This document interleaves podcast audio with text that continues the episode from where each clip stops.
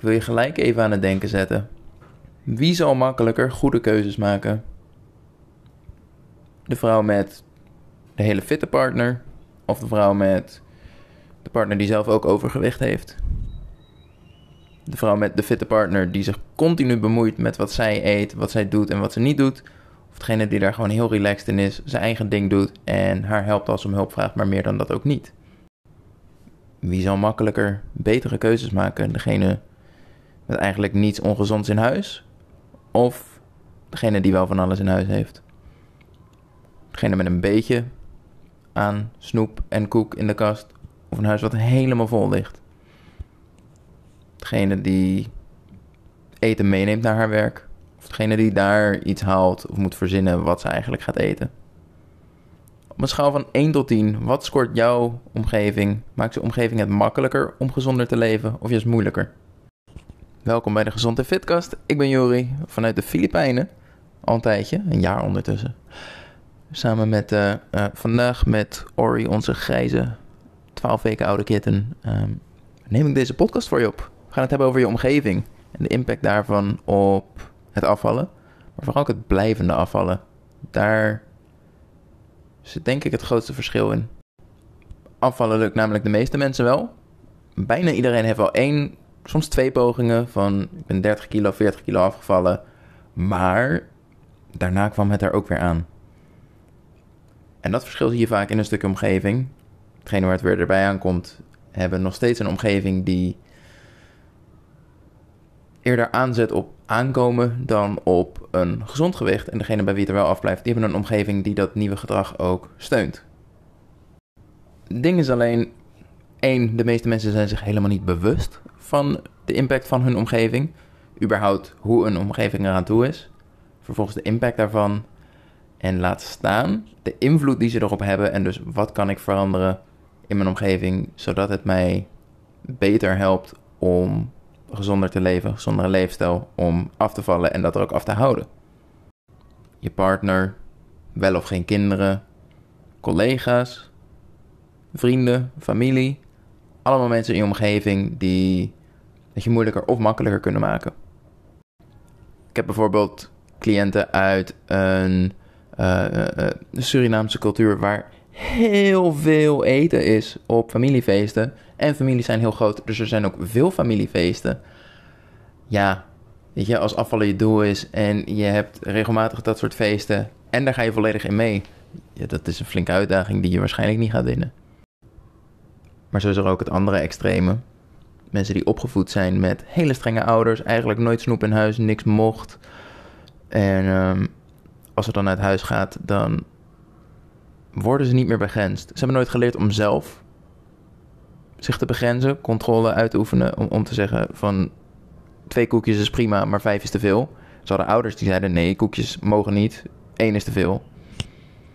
Of ouders die zeiden één koekje mag wel, maar meer dan dat mag ook niet. Uh, maar zodra die beperking van de ouders wegvalt en dus uit huis gaan, of misschien als je gaat samenwonen, dat um, je hebt nooit geleerd om maat te houden. Dus waarom zou dat nu ineens wel lukken? Niet dus. En dat is een stukje invloed van opvoeding, maar dus ook omgeving. Dan zijn er de simpele praktische dingen als staat er een snoepot op je eettafel of een fruitschaal. Of staat snoepot meestal op een aanrecht. Maar goed, je snapt mijn punt. Wat zet je in het zicht? Wat is toegankelijk? Wat is makkelijk te pakken als jij trek hebt of als je gedachteloos um, gaat eten. Heb jij snoep wat super makkelijk te pakken is, of heb jij gezonde opties die heel makkelijk te pakken zijn? Dit is er één die heel makkelijk te beïnvloeden is en een heel groot verschil maakt. Dus als je iets uit deze podcast haalt om mee aan de slag te gaan, dan zou het deze mogen zijn. Mits die van jou op, op jou van toepassing is. Dus als jij nog een snoepot op het aanrecht hebt staan en fruit is eigenlijk nooit in huis, ja, dan moet je niet heel raar opkijken dat als je een keer trek hebt dat het nooit een appel is wat je eet en, wel die snoepot die open gaat. Logisch, doe er wel mee. En dan hebben we het dus gelijk eigenlijk al over een stukje impact van die omgeving. Snoepot op het aanrecht, logisch dat je voor snoepen kiest. Die uitbundige familiefeesten, ja, als je daar iedere keer zonder enige plan naartoe gaat. En ehm, ik zie wel hoe het loopt en eh, alles kan, alles mag. Ja, logisch dat afvallen niet zo makkelijk gaat. Hetzelfde met degene die ieder weekend kiezen voor alcohol, ieder weekend uitgaan. Ehm, of ieder weekend uit eten, ieder week afhalen. Die weekenden zijn voor veel mensen een stukje ontspanning, maar vaak ook een stukje vermijding van door de week. In het weekend kan ik dat eindelijk even loslaten, ben ik daar niet mee bezig en wil ik daar ook niet mee bezig zijn. Dus komen we bij alcohol en eten en vooral eigenlijk niet goed voor onszelf zorgen. En dat heeft natuurlijk weer gevolgen, onder andere op je gewicht, maar ook op stresslevels, slaap, uh, ik denk zelf zelfvertrouwen. Hoe kan jij vertrouwen in jezelf als je in het weekend niet kan gedragen, niet aan afspraken houdt, onbetrouwbaar bent? Als het goed is, zijn dit dingen dat terwijl ik ze vertel, jij allemaal denkt: hartstikke logisch, tuurlijk. Maar tegelijkertijd zijn er heel weinig mensen die hier echt over nadenken. En nog minder mensen die er vervolgens ook echt iets mee doen. Bewijs daarvan voor mij is uh, de vele vrouwen die in mijn coaching komen, waar zoveel winst nog te behalen is in, in hun omgeving. En dat is heel fijn. Dat betekent dat we dus in korte tijd hele grote stappen kunnen maken. Maar het laat mij wel zien dat vrij weinig mensen die stappen zelfstandig al maken. En daar dus eigenlijk heel veel winst op tafel laten liggen. La laag hangende fruit niet geplukt wordt. Volgens mij begin ik mijn stem te verliezen, dus we gaan even vlot door. Waar heb je invloed op? Meer dan je denkt waarschijnlijk. Probleem is dat wanneer jij niet bewust bent van die omgeving, van dit probleem en de, de impact die je omgeving heeft, dan valt er ook niks te veranderen. Als, jij het probleem, als je niet weet dat er een probleem is, kan je het ook niet oplossen. En dat is wat hier vaak gebeurt. Terwijl als ik dit hier zo voor je opsom, denk jij hopelijk al aan een aantal dingen. Oh, maar zo is dat bij mij. En uh, zo en zo kan ik dat oplossen. Snoep het op de aanrecht. Kan ook best boven in de kast staan. En uh, ik zet die fruitschaal in de plaats. Zo van, ik ben gewend om daar af en toe iets te pakken. Nou ja, dan pak ik daar tegenwoordig een stuk fruit in plaats van snoep. En als ik dan een keer echt wat wil snoepen, dan is dat omdat ik er echt over heb nagedacht en voor gekozen heb. En niet, het staat toevallig binnen handbereik. Die fitte partner die zich altijd met jou bemoeit tijdens het afvallen. Met tot nu toe geen resultaat om over naar huis te schrijven. Daar kan je mee in gesprek gaan, daar kan je afspraken mee maken. Je kan hem aangeven wat voor jou vooral niet werkt. Dat weet je heel goed. En je kan samen gaan nadenken over mogelijke oplossingen van wat voor jou wel zou kunnen werken. Misschien heb je het in één keer goed. Misschien is dat het ook nog niet helemaal en bespreek je dat weer en blijf je gewoon lekker samen oefenen en oefenen tot je, nou ja, tot een situatie komt waarin jij tevreden bent en hij tevreden is. Misschien heb je geen fitte partner, heb je een partner die zelf ook overgewicht heeft. Moet je het per se samen gaan doen? Moet je per se samen gaan afvallen? Nee, het zou wel heel, heel, heel fijn zijn. Het zou enorm schelen. Um, anders vecht je tegen jezelf en tegen hem wat dat betreft. Dan kom je in een situatie dat je eerst zelf de beslissing moet maken: ik ga nu niks snoepen. Vervolgens zit hij op de bank naast je en doet dat wel. En moet jij dus de beslissing maken: nee, ik ga hier niet in meedoen. Het maakt het gewoon veel lastiger. Als je elkaar kan meenemen, doe dat vooral. En zo niet, weet dat het lastiger gaat zijn. En wederom, maak hele goede afspraken. Wat werkt voor jou? Wat werkt vooral niet? Hoe kan hij je helpen op een manier waar hij ook oké mee is? Dus afspraken als je mag niks snoepen als ik op de bank zit. Dan wordt hij zwaar geïrriteerd. En krijg jij zoiets van, hij doet het alleen maar niet omdat het niet van mij mag. Eigenlijk wil hij nu snoepen en waarschijnlijk doet hij het straks stiekem.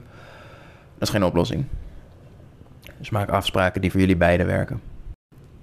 Met een hele simpele vraag voor jou om mee af te ronden. Als het goed is, gaf je aan het begin van deze aflevering jouw omgeving een cijfer van 1 tot 10. Hoe goed is jouw omgeving op dit moment om in af te vallen? Hoeveel moeilijker of makkelijker maakt jouw omgeving het om gezonder te leven? Stel je hebt een 6 gegeven, zo'n best aardige score. Wat is er voor nodig om daar in de komende week een 7 van te maken? Wat is er voor nodig om in de komende week jouw cijfer met 1 punt te verhogen? Welke stappen kun je nu maken? hopelijk heb je hier gelijk een antwoord op. Komen er dingen in je op dat je denkt: dit kan ik doen en dit kan ik doen. Zo niet, zegt dat al heel veel over het gebrek, het gevoel van gebrek aan invloed dat jij hebt. Het idee dat dit je allemaal overkomt en dat jij er niks aan kan doen. Dat jij geen invloed hebt op je omgeving en dat is niet waar. Het probleem is alleen, het doet er niet toe of dat waar is of niet. Het feit dat jij dat zo voelt, maakt dit verschrikkelijk lastig. Er is namelijk weinig waar wij als mens meer moeite mee hebben dan een gevoel van geen controle hebben. Denk bijvoorbeeld aan eetbuien, verschrikkelijk. Denk aan een baan die veel te veel van je vraagt, verschrikkelijk. Terwijl iemand die ervoor kiest om 60, 70 uur in de week te werken, heeft daar misschien niet eens moeite mee. Weet je wel, jouw 40 uur in de week heb je misschien meer moeite mee dan die persoon die ervoor kiest om 70 uur te werken. Onderwerp voor een andere keer, maar wees je ervan bewust. Je hebt invloed. Misschien niet op alles, maar je hebt invloed. Focus je niet op waar je geen invloed op hebt.